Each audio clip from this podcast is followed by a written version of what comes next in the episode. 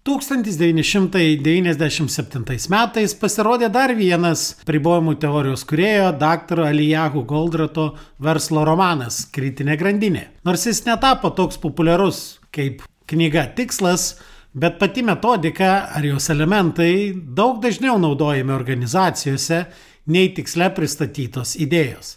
Taigi, kas ta kritinės grandinės metodika?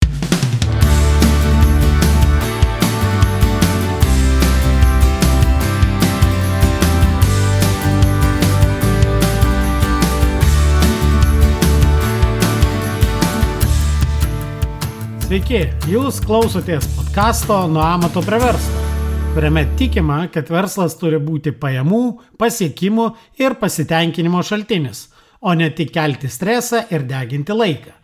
Su jumis aš, šios laidos autorius ir vedėjas, verslo konsultantas, treneris ir efektyvumo fanatas Nerius Esinavičius. Jūs klausotės 19 tinklalaidės epizodo. Tęsėme pokalbius apie projektų valdymą. Primenu, jeigu turite klausimų, siūskite juos man elektroniniu paštu nerius eta amver.lt. Nerius eta amatas verslas amver.lt. Taip pat kviečiu registruotis į webinarus projektų valdymo tema. Daugiau informacijos www.amverklubas.lt pakrypęs brūkšnys projektai. Beje, jeigu jūs susidurite su projektais savo darbinėje veikloje, O nėra nei vienos organizacijos, nei vienos įmonės, ar tai būtų pati mažiausia ar didžiausia įmonė, kurioje nesusidurtų su projektais. Taigi, jeigu jūs susidurėt su projektais, tuomet rekomenduoju perskaityti knygą Kritinė grandinė. Beje, pirmąjį skyrių šios knygos galite parsisiųsti nemokamai iš www.amverklubas.lt pakrypęs brūkšnys CCPM, CCPM. Vėlgi šitas nuorodas jūs rasite šito epizodo aprašymuose. Jau ankstesniuose epizoduose, kalbėdami apie projektų valdymą, kalbėjome, kad projektai tai vienkartinė veikla apimanti keletą tarpusai susijusių užduočių atlikimo, siekiant išspręsti vienokią ar kitokią problemą. O projektų valdymas tai yra planavimas, organizavimas, tvarkarašių sudarimas, vadovavimas, komunikavimas bei veiksmų kontroliavimas siekiant projekto tikslų per nustatytą laiką ir už nustatytą kainą. Vėlgi, kaip ir kitose laidose, taip ir šioje, kalbėdami apie projektų valdymą, mes turime atsiminti tą projektų trikampį ir tą projektų prakeiksmą, kad projektai visada vėluoja, neduoda planuoto rezultato ir viršioja biudžetą. Kodėl taip nutinka? Įvairiose diskusijose apie tai, kodėl projektai vėluoja, tenka girdėti daug įvairiausių pasiteisinimų ir neretai tiek projektų vadovai, tiek į organizacijų vadovai mėgsta surasti ar apkaltinti, taip sakant, aplinką, kad konkretus projektas buvo labai netipinis, buvo sudėtingos situacijos ir ten subrangovas vėlavo, darbuotojai blogi buvo ar panašiai, ar panašiai, panašiai, vietoj to, kad prisimtų iš tikrųjų atsakomybę ir pripažintų, kad pagrindinė problema vis dėlto yra ne aplinkybėse, o tai, kaip yra planuojami ir valdomi, ar tiksliau netgi reiktų sakyti, neplanuojami ir nevaldomi projektai. Vis dėlto kokios dažniausiai išsakomos vėlavimo priežastys? Projektai pavėluoja, nes kažkurios užduotis užtruko ilgiau negu buvo planuota, projekto eigoje atsitiko per daug pasikeitimų, atsitiko toks dalykas, kad ištekliai buvo nepasiekiami tuomet, kai jų reikėjo. Ir nesvarbu, kad tie ištekliai buvo pažadėti, ne, negalime laiku gauti reikiamų dalykų, ten informacijos, kažkokios specifikacijos, patvirtinimo, sprendimo, įgaliojimo ar medžiagos. Jau nekalbant apie tai, kad daugelis projekto vadovų ir organizacijų vadovų įvardina tokią problemą kaip konfliktai dėl projektų prioritetų, kuris projektas svarbesnis ir tenka šokinėti tarp e, projektų, kas sukelia savo problemas, ko pasiekoje yra viršiamas biudžetas ir netgi tai reikalauja tam tikrų perdarimų projekto eigoje.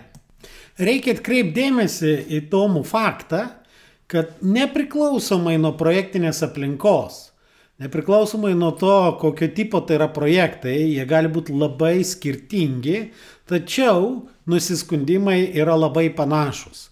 Ar tai būtų statybinė aplinka, ar tai būtų inžinieriniai projektai, ar tai būtų kūrybiniai projektai, ar tai būtų IT projektai, nusiskundimai visada labai panašus.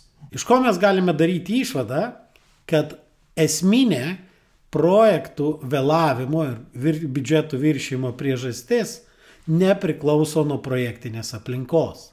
Tai yra kažkas giliau, pačioje projektų valdymo metodikoje. Turim pripažinti, kad kiekvienas projekto vadovas projekto eigoje susiduria su esminė dilema. Juk projekto vadovo uždavinys yra įvykdyti įsipareigojimus, tai yra užtikrinti, kad projektas duos planuojamą rezultatą per numatytą laiką už numatytus pinigus. Ir aišku, projekte atsitinka nenumatyti dalykai, vienokie ir kitokie merfiai. Taip, merfio dėsnis sako, jeigu nemalonumas gali atsitikti, jis būtinai atsitiks. Taigi, ką turi daryti projekto vadovas, siekdamas įvykdyti visus įsipareigojimus atsitikus merfiai? Pirmiausia, jisai turi gelbėti įsipareigojimą, kuriam iškylo pavojus. Jeigu dėl kažkokių priežasčių mes pradėjome atsilikinėti nuo grafiko, projekto vadovas turi imtis veiksmų, kad išgelbėtų patį projektą, tai yra pasivytų grafiką. Dėl to jisai turi, pavyzdžiui, įdėti papildomus resursus. Taip, tai yra imtis veiksmų kompensuoti ankstesnius netikslumus ir klaidas. Tačiau tuo pat metu jis ne tik turi gelbėti įsipareigojimą, kuriam iškyla pavojus, bet tuo pat metu jisai turi nekelti pavojaus kitiems įsipareigojimam. Tai yra, jisai turi nedidinti biudžeto ir nemažinti projekto apimties. Tai reiškia, jisai turėtų nesijimti kompensavimo veiksmų, nes neturėtų kompensuoti ankstesnių netikslumų ir klaidų. Taigi, atsitikus Merfiui, projekto vadovas atsiduria tarsi tarp kūjo ir priekalo.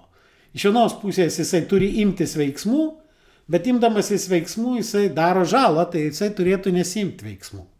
Ir kertinė šitos dilemos prielaida yra tame, kad mes neturime pakankamai rezervo, neturime pakankamai atsargos jau projekto plane. Daugeliu atveju problema yra ne tame, kad mes neįsidėjome atsargų į projekto planą, bet tame, kad projekto eigoje mes tas atsargas išvaistome. Kodėl? Dėl žmogiškosios elgsenos. Ir dėl labai įprastos projektinės aplinkos taisyklės, kas yra įprasta daugelį organizacijų. Viena iš nerašytų, o kartais ir užrašytų taisyklių projektinėje aplinkoje yra tai, kad norėdami pabaigti projektą laiku, visada stengiamės užbaigti kiekvieną užduotį laiku. Ir visa projektų valdymo, organizacijos valdymo struktūra, taisyklės, motivacija pririšta prie šitos prielaidos, kad jeigu užbaigsime visas užduotis laiku, tai ir projektas pasibaigs laiku. Nors sveikas protas mums sako, kad iš esmės nėra svarbu kiekvieną užduotį pabaigti laiku. Svarbu pabaigti visą projektą laiku. Bet tos taisyklės, kad baudžiami žmonės, kurie pavėluoja atlikti užduotis laiku ir iššaukia pagrindinį projektų vėlavimą, O vėluojant projektam atsiranda ir kitos problemos, tai yra mažinama projekto apimtis, mažėja kokybė ir auga biudžetas. Kadangi organizacijos siekia kiekvieną užduotį užbaigti laiku ir prie to pririša darbuotojų motivacinės sistemas, dėl to darbuotojai planuodami, kiek užtruks projekte viena ar kita užduotis, jau planuojama užduoties trukmę nusimato su tam tikra atsarga. Pakankamai nemaža atsarga. Toliau klausimas, o kodėl vis dėlto projektai vėluoja nepaisant tos atsargos? Ogi todėl, kad pradeda veikti žmogiškasis faktorius. Suveikia tokie dalykai kaip Parkinsono dėsnis. Parkinsono dėsnis teigia, kad užduotis visada užtruks visą jai skirtą laiką. Kodėl? Na, įsivaizduokit, yra darbuotojas, kuris prašė, kad jam duotų užduoties atlikimui, tarkim, 10 dienų, aišku, nieks jam tų 10 dienų nedavė, bet jisai sutarė, kad darbui bus skirta 8 dienos ir staiga darydamas darbą, na, buvo įkvėpimas ir panašiai jis tą darbą atliko ne per 8, o per 5 dienas. Ar jisai praneš, kad jisai tą užduotį atliko greičiau? Aišku, kad ne. Kodėl? Dėl keleto priežasčių. Pirma priežastis, kadangi yra daugiau laiko, tai ką jisai darys, dar stengsis tobulinti tą užduoties atlikimą. Taip sakant, dašlifuos, patobulins, pagerins. IT sektoriuje, kuriame man teko dirbti, dažnai programuotojai, jeigu turi laiko dar iki užduoties pabaigos, jie darydavo kodo optimizaciją ar dar kažką, nes yra laiko, tai aš galiu tą užduotį patobulinti. Ir jeigu paklausiau, kodėl tu nenori anksčiau priduoti tos užduoties, atsakymas dažniausiai būna labai paprastas. Jeigu aš priduosiu dabar anksčiau tą užduotį, kitą kartą man niekas neduos to laiko. O kadangi kiekvieną kartą mes darom užduotis iš naujo, ar tai yra visiškai naujos užduotis, tu nežinai, kiek tau laiko užtruks tą užduotį atlikti kitą kartą. Ir vykdytojui reikia turėti galimybę įsidėti tam tikrą rezervą. Kita priežastis, vėlgi žmogiškai elgsena, yra taip vadinamas studento sindromas. Tikriausiai daugelis iš jūsų esate studijavę universitete ir prisimenate save Kada vykdavo intensyviausias mokymasis? Na, porą naktų prieš egzaminą.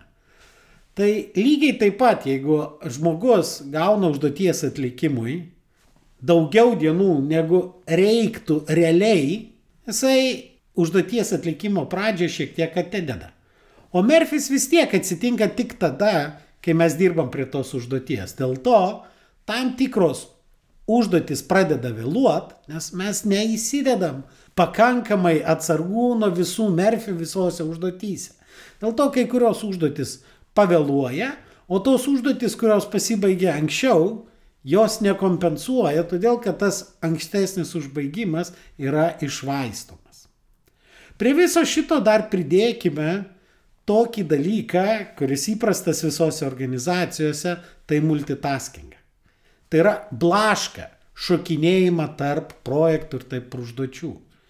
Multitaskingas reikšmingai pailgina užduoties atlikimo laiką.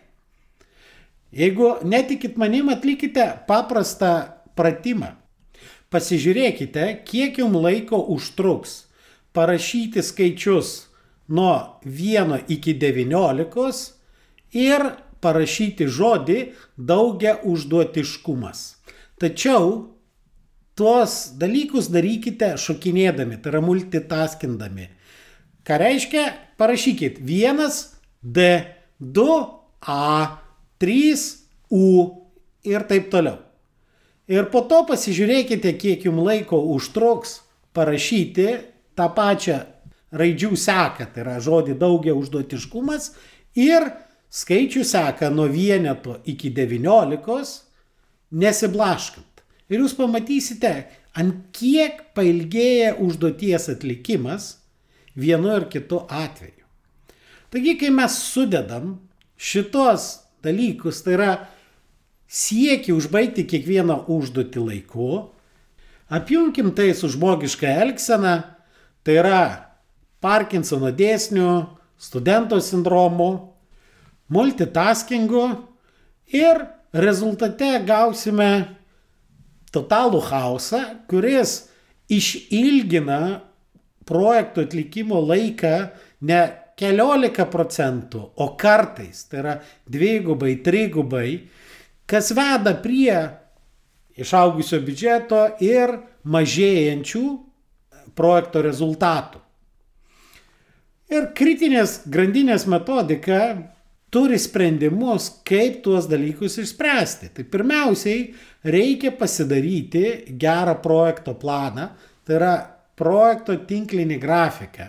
Apie tai aš šnekėjau ir ankstesnėse laidose, taip pat galite rasti daugiau informacijos webinaruose apie projektų planavimą. Toliau turime pakeisti žmonių elgseną O tam, kad pakeisti žmonių elgseną, mes turime atsisakyti tos pagrindinės taisyklės, mes turime nustoti siekti kiekvieną užduotį užbaigti laiku. Pas mūsų organizacijose turi atsirasti nauja taisyklė. Mums nesvarbu užbaigti kiekvieną užduotį laiku, mums svarbu užbaigti visą projektą laiku.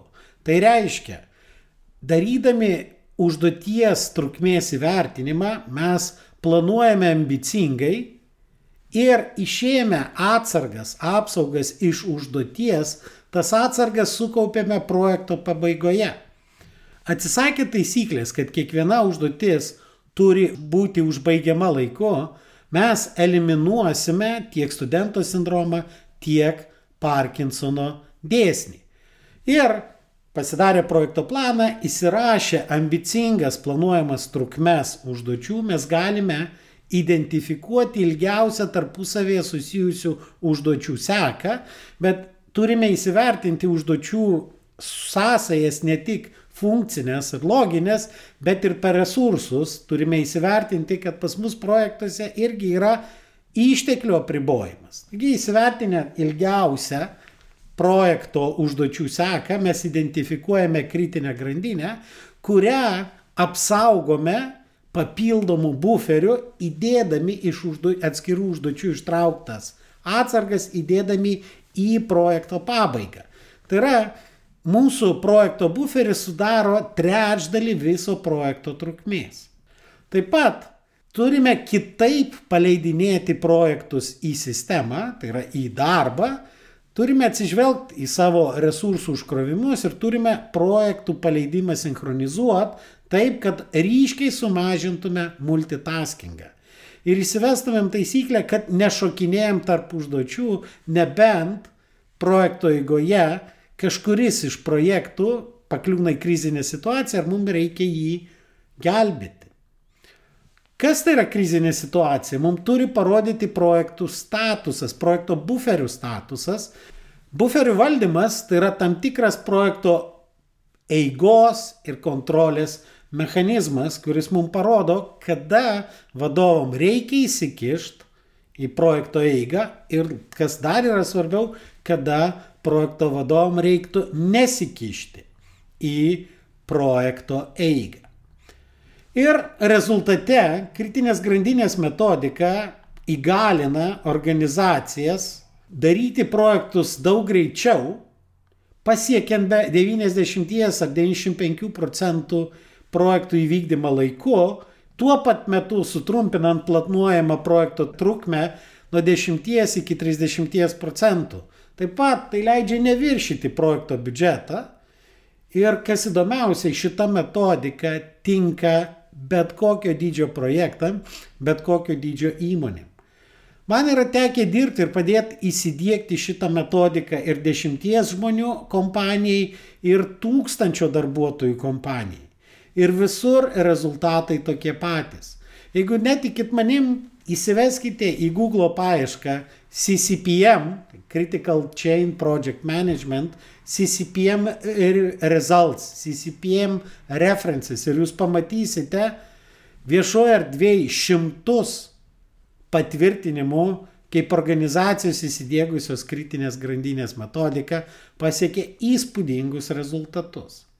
Jeigu norite sužinoti daugiau apie kritinę grandinės metodiką, Kviečiu vėlgi pasižiūrėti www.amverklubas.lt pakrypęs brūkšnys projektą informaciją apie jau vykusius webinarus, kuriuose buvo kalbama ir apie projektų valdymą pagal kritinės grandinės metodiką. Taip pat kviečiu sudalyvauti kritinės grandinės mokymuose. Daugiau informacijos apie kritinės grandinės mokymus jūs galite rasti TOC sprendimai puslapyje, tai yra www.toc.lt